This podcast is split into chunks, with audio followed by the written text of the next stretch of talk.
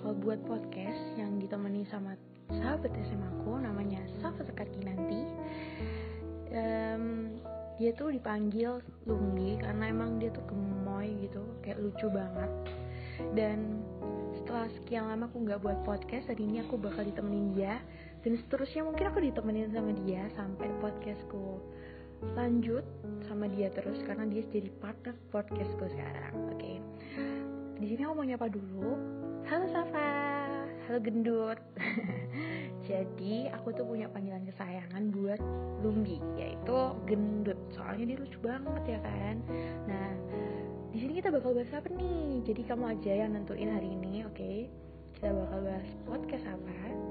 Jadi jangan ke mana-mana, kalian harus tetap dengerin podcastku sama Lumbi. Stay tune. Halo, kenalin aku Safas Kartinanti. Uh, aku akan kolaborasi untuk podcast ini. Um, aku sih pengennya kita bahas tentang mantan mungkin gimana setuju nggak kalau kita bahas tentang mantan Waduh, nih bahasannya berat banget sih buat aku karena beberapa bulan yang lalu aku barusan putus dan aku udah deket sama cowok lain tapi aku ditinggal ya kan. Dan menurut aku mungkin gak apa-apa kita bahas ya kan. Kan dari sisi pandang kamu sama sisi pandang aku tuh beda. Jadi so kenapa enggak kita bahas sekarang? Ya kan? Lanjut. Jadi di sini aku mau nanyain ke kamu kenapa kamu bisa milih sama mantan mantan mantanmu itu? Kenapa kamu bisa yakin banget kamu mau nerima dia sebagai pacar kamu ya kan? Entah mantan yang pertama kedua ketiga ketiga keempat pun kenapa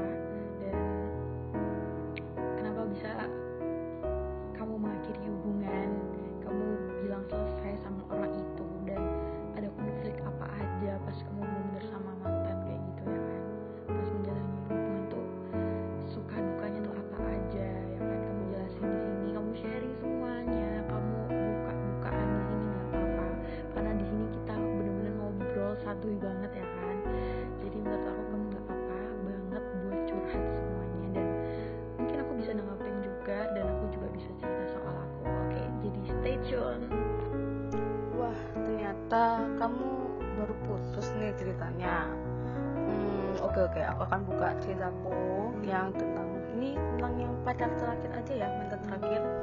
Uh, aku akan cerita bagaimana aku ketemu sama dia.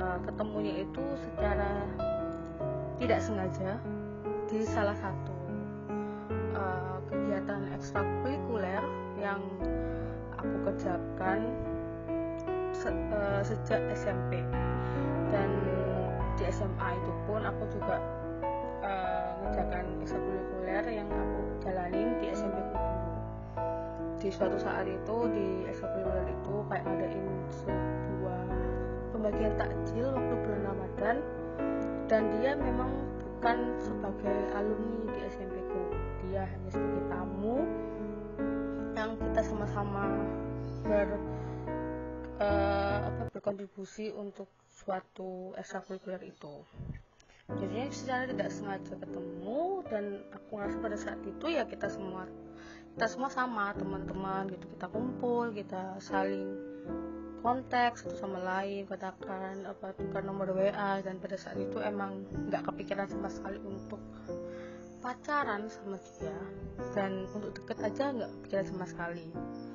Tapi pada saat itu aku ngerasa bahwa kita kontekan setiap hari setiap saat sampai berjalannya waktu hampir satu tahun kita kalau bisa dibilang PDKT ya. PDKT lah ya. Meskipun PDKT nya itu penuh dengan drama dan konflik yang pasti ada banyak banget dramanya mulai drama-drama ngeblokir nomor WA lah yang salah satunya kamu juga yang tidak setuju dengan mantanku yang terakhir ini yang aku sama kamu yang saling debat pada saat itu karena kamu tidak setuju dengan mantanku yang ini. Dan akhirnya seiring berjalannya waktu kita pun pacaran. Di pacaran itu drama konfliknya semakin banyak. Suka dukanya pasti ada sukanya pasti kayak ya dia mendukung pada saat itu ya untuk awal-awal pacaran dia mendukung segala sesuatu yang aku kerjakan. Karena pada saat itu aku menjadi salah satu volunteer di uh, kayak apa ya volunteer pendidikan. Salah satu terbesar di Indonesia pada saat itu.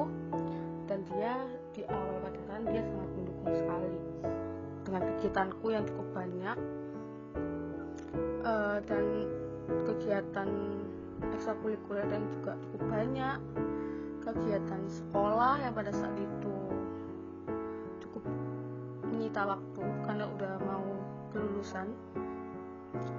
Uh, itu sih awal mula untuk suka dukanya sukanya itu dia datang waktu kita pentas ini untuk terakhir ujian praktek. Dukanya ternyata dia tidak cocok dengan teman-teman dan keluargaku. Lebih tepatnya teman-teman satu satu ekstra tadi yang aku jalani dari SMP padahal aku merasa bahwa teman-temanku sudah menunjukkan bahwa dia dapat menerima orang baru dengan baik. Tapi ternyata sama sekali dia tidak menunjukkan bahwa dia suka dengan teman-temanku. Dia selalu over posesif overthinking negative thinking dan dan bahkan yang sangat aku sesali adalah dia menuduh bahwa sahabat-sahabatku yang aku kenal lebih lama daripada dia uh, menyukaiku dan kita kita berdua dianggap pacaran begitu di belakang dia. Dan aku kayak mikirnya kalau aku suka sama si temanku ini pasti kan aku dari dulu udah pilih dia dong daripada pacaran sama pak mantanku ini. Dan kita banyak banget konflik yang terjadi. Karena kalau bisa dibilang pacaran sama dia itu ketemunya cuma beberapa kali. Dan setiap setelah ketemu kita pasti berantem. Kita as always setelah bertemu selalu berantem dengan masalah yang aku anggap sepele banget.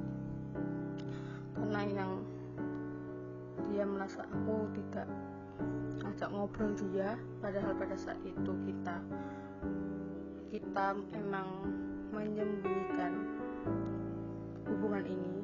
Dan dia yang bilang bahwa nggak usah deh yang nggak usah deh temen-temen tahu tentang kita kita aja yang tahu. Oke dong dengan begitu kan aku kalau aku deket terus sama dia kan pasti orang-orang mikirnya bahwa kamu pacaran ya sama dia kamu pacaran ya sama dia. Kan kita lagi backstreet istilahnya. Ini kan aku nggak mungkin dong sama dia terus gitu. Dan itu salah satu perpecahan yang cukup heboh. Um, itu sih dukanya itu terus kayak dukanya dia terlalu ikut campur dan dia ternyata tidak mendukung 100% kegiatanku di volunteer yang pada saat itu emang lagi banyak-banyaknya. Karena itu akhir periode kita yang akhir periode itu biasanya kita emang evaluasi dan kegiatan terakhir. Jadi kayak kita emang lagi sibuknya ternyata dia tidak mendukung dan dia malah kayak dia menyalahkan kenapa sih uh, kamu lebih milih kegiatanmu dan teman-temanmu daripada aku padahal dan dan sebagainya? Jadi aku kayak berpikir bahwa uh, memang kita pacaran memang kita pacaran. Tapi kan kalau pacaran kita harusnya bisa saling mendukung satu sama lain bukan bukan saling memojokkan pasangannya. Dan akhirnya kayak kayak uh, dan akhirnya karena aku sudah tidak bisa dia tidak bisa berdamai dengan teman-temanku. Dia sudah tidak cocok dengan keluargaku dan teman-teman yang ada di sekitarku. Dan aku pun kayak ngerasa toksik pada saat itu. Dan akhirnya aku putus. Itu para teman-temanku yang lainnya ber,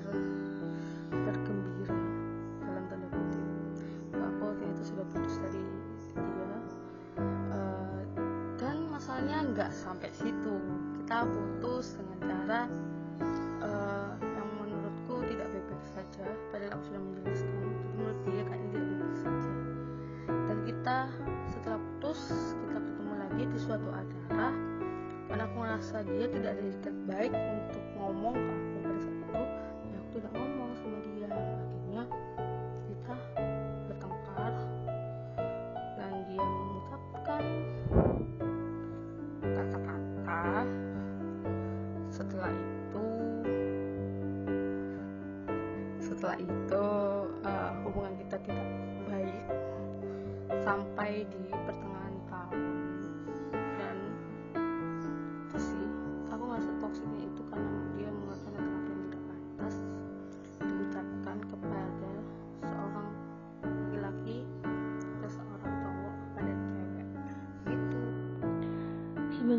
nggak baru-baru ini banget putus karena emang udah kandas dari sebelum corona tiga bulan yang lalu. Tapi udah nggak apa-apa. Berkat hmm, ada masalah itu bikin ya apa ya semakin bisa ngerti kemauan kita sendiri itu apa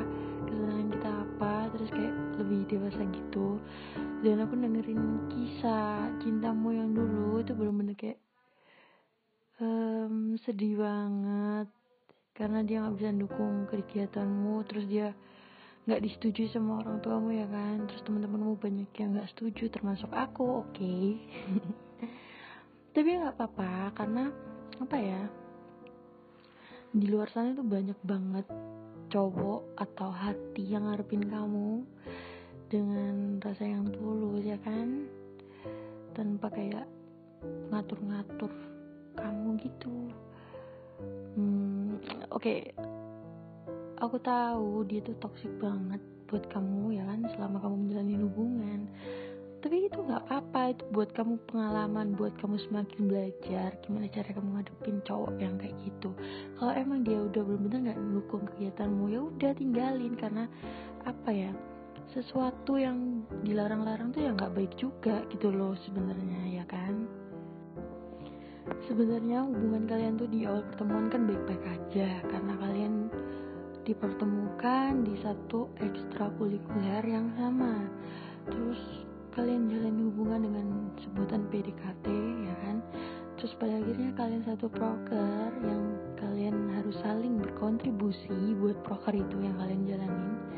Terus habis itu hmm, kalian udah mulai saling apa ya ngadepin konflik karena emang di hubungan tuh pasti ada banget konflik. Entah dari sisi kamu atau dari sisi cowoknya. Um, dan aku dengar ceritamu itu mungkin dia mulai posesif overprotective sama kamu ya kan?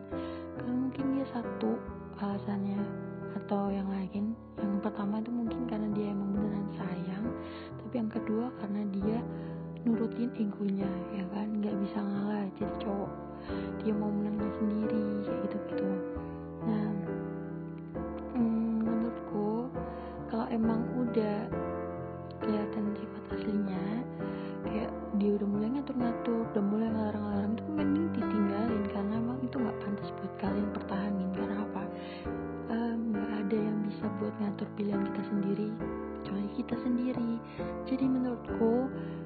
menurutmu toksik kan di sini banyak banget yang macamnya toksik ini itu itu. Dan menurutku yang ini toksik menurut ceritamu itu juga harus ditinggalin karena nggak baik juga buat hubungan ya kan? Apalagi keluargamu nggak setuju dan lain-lain ya kan? Dari sini aja udah bisa disimpulin karena hubunganmu tuh udah nggak bisa dipertahanin dan nggak bisa diperjuangin. Diomongin baik-baik mungkin ya Gak bisa karena si cowok cuma ngandelin kata-kata kasar yang bikin kamu sakit. Lebih lanjut ya kan gitu. Uh, bener sih, soalnya kan kalau aku, aku boleh flashback lagi pada saat pacaran sama dia itu aku bucin parah sebucin bucinnya. Kalau orang yang ada di sekitarku tahu gimana aku bucin pasti mereka sekarang pada ngakak mungkin ya. aku, aku tidak nilai kalau misalnya si dia mendengarkan podcast ini uh, aku cuma mau bilang bahwa aku bucin parah sama kamu. Parah sekali gitu. dan uh, aku sakit hati banget ketika dia kata-kata kasar yang keluar dari mulutnya. Uh, toksik lah menurutku toksik toksik maksudku. Itu toksik makanya aku mau cuma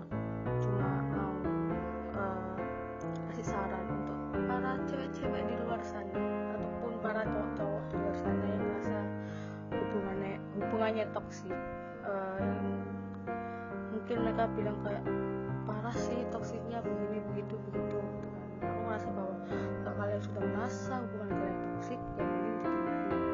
Meskipun kalau kalian bilang kan aku bucin sama dia aku sayang banget sama dia bla bla bla bla uh, asal kalian tahu toksik itu bisa berawal dari verbal dari omongan doang. Cuma ngomong ah kamu ini kamu begini kamu begitu gitu. Nanti setelah verbal pasti fisik biasanya. Biasanya larinya ke fisik. Jadi kalau aku bilang kalau kalian udah merasa toksik kalau kalian merasa bahwa kalian punya pembenaran sendiri atas toksik toksik itu tadi dan kalian sih bilang uh, kan nanti dia bisa berubah dia pasti berubah dengan baik dia pasti uh, dia pasti nyesel deh pernah gituin aku gitu. Dia kalau berubah dia kalau dia mau dan bisa berubah. Tapi kalau itu sudah mulai masuk ke ranah uh, apa ini namanya uh, kepribadian itu udah nggak bisa dirubah kepribadian kan dia bawa dari kecil sampai sekarang. Kalian ngerasa kalian bisa menyadarkan dia? Sok silahkan. Silahkan kalian tetap sama dia. Tapi kalau kalian ngerasa kayaknya ini da, itu deh kepribadian deh toksiknya mungkin karena dia suka kata-kata kasar dan sebagainya mending tinggalin aja. Jangan membuang waktu masa muda kalian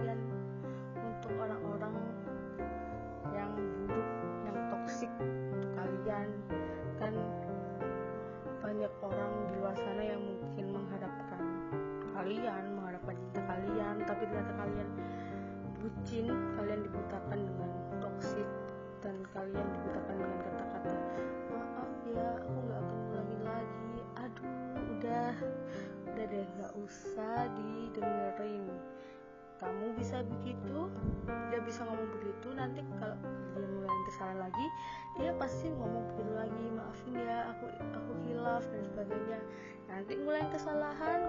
lagi itu akan berputar terus. Mending kalau kalian nggak udah toksik udah buruk udah mengganggu semuanya mending tinggalin aja. Kita nggak kita nggak tahu mungkin mungkin kalau Tuhan lagi nyiapin jodoh yang terbaik untuk kita dengan kita ninggalin mereka yang toksik meskipun kalau kalian bilang kalau misalnya dia pun jodoh kalian pasti nanti dideketin lagi kok sama Tuhan dengan cara yang baik dengan cara dia bisa berubah dengan sebaik-baiknya kita bisa lebih baik lagi. Tenang aja semuanya pasti ada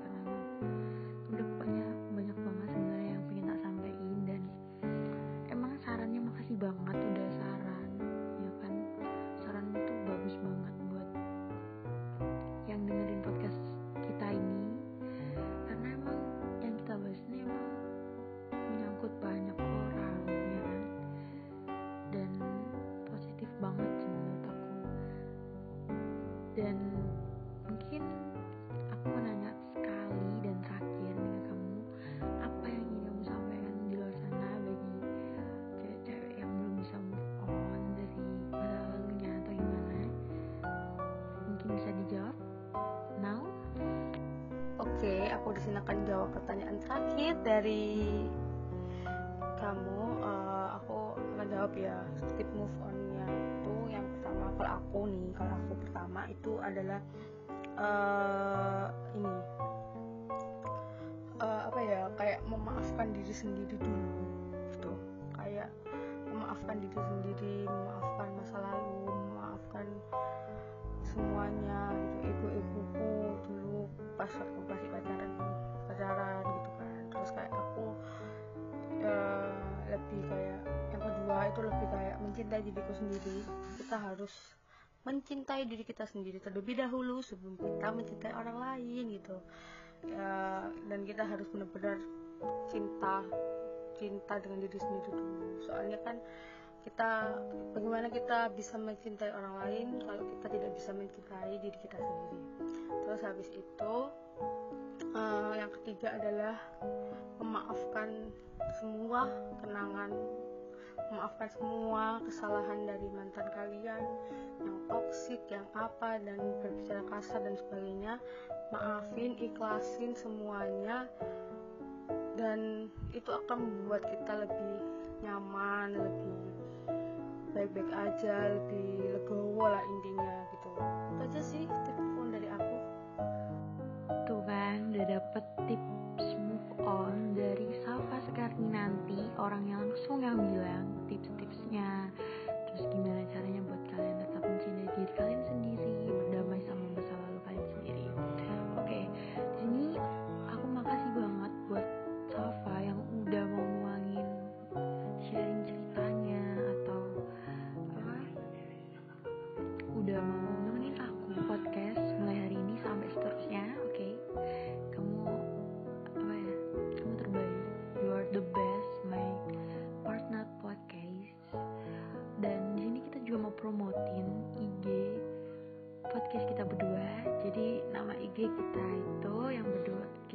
itu mood.caramel.hazelnut dan jangan lupa kalian follow ya dan kalian pasti nemuin sebuah kata-kata yang lebih bagus daripada di podcast ini. Oke dan kita juga masing-masing punya IG kalau IG aku at putri double i ajeng double g.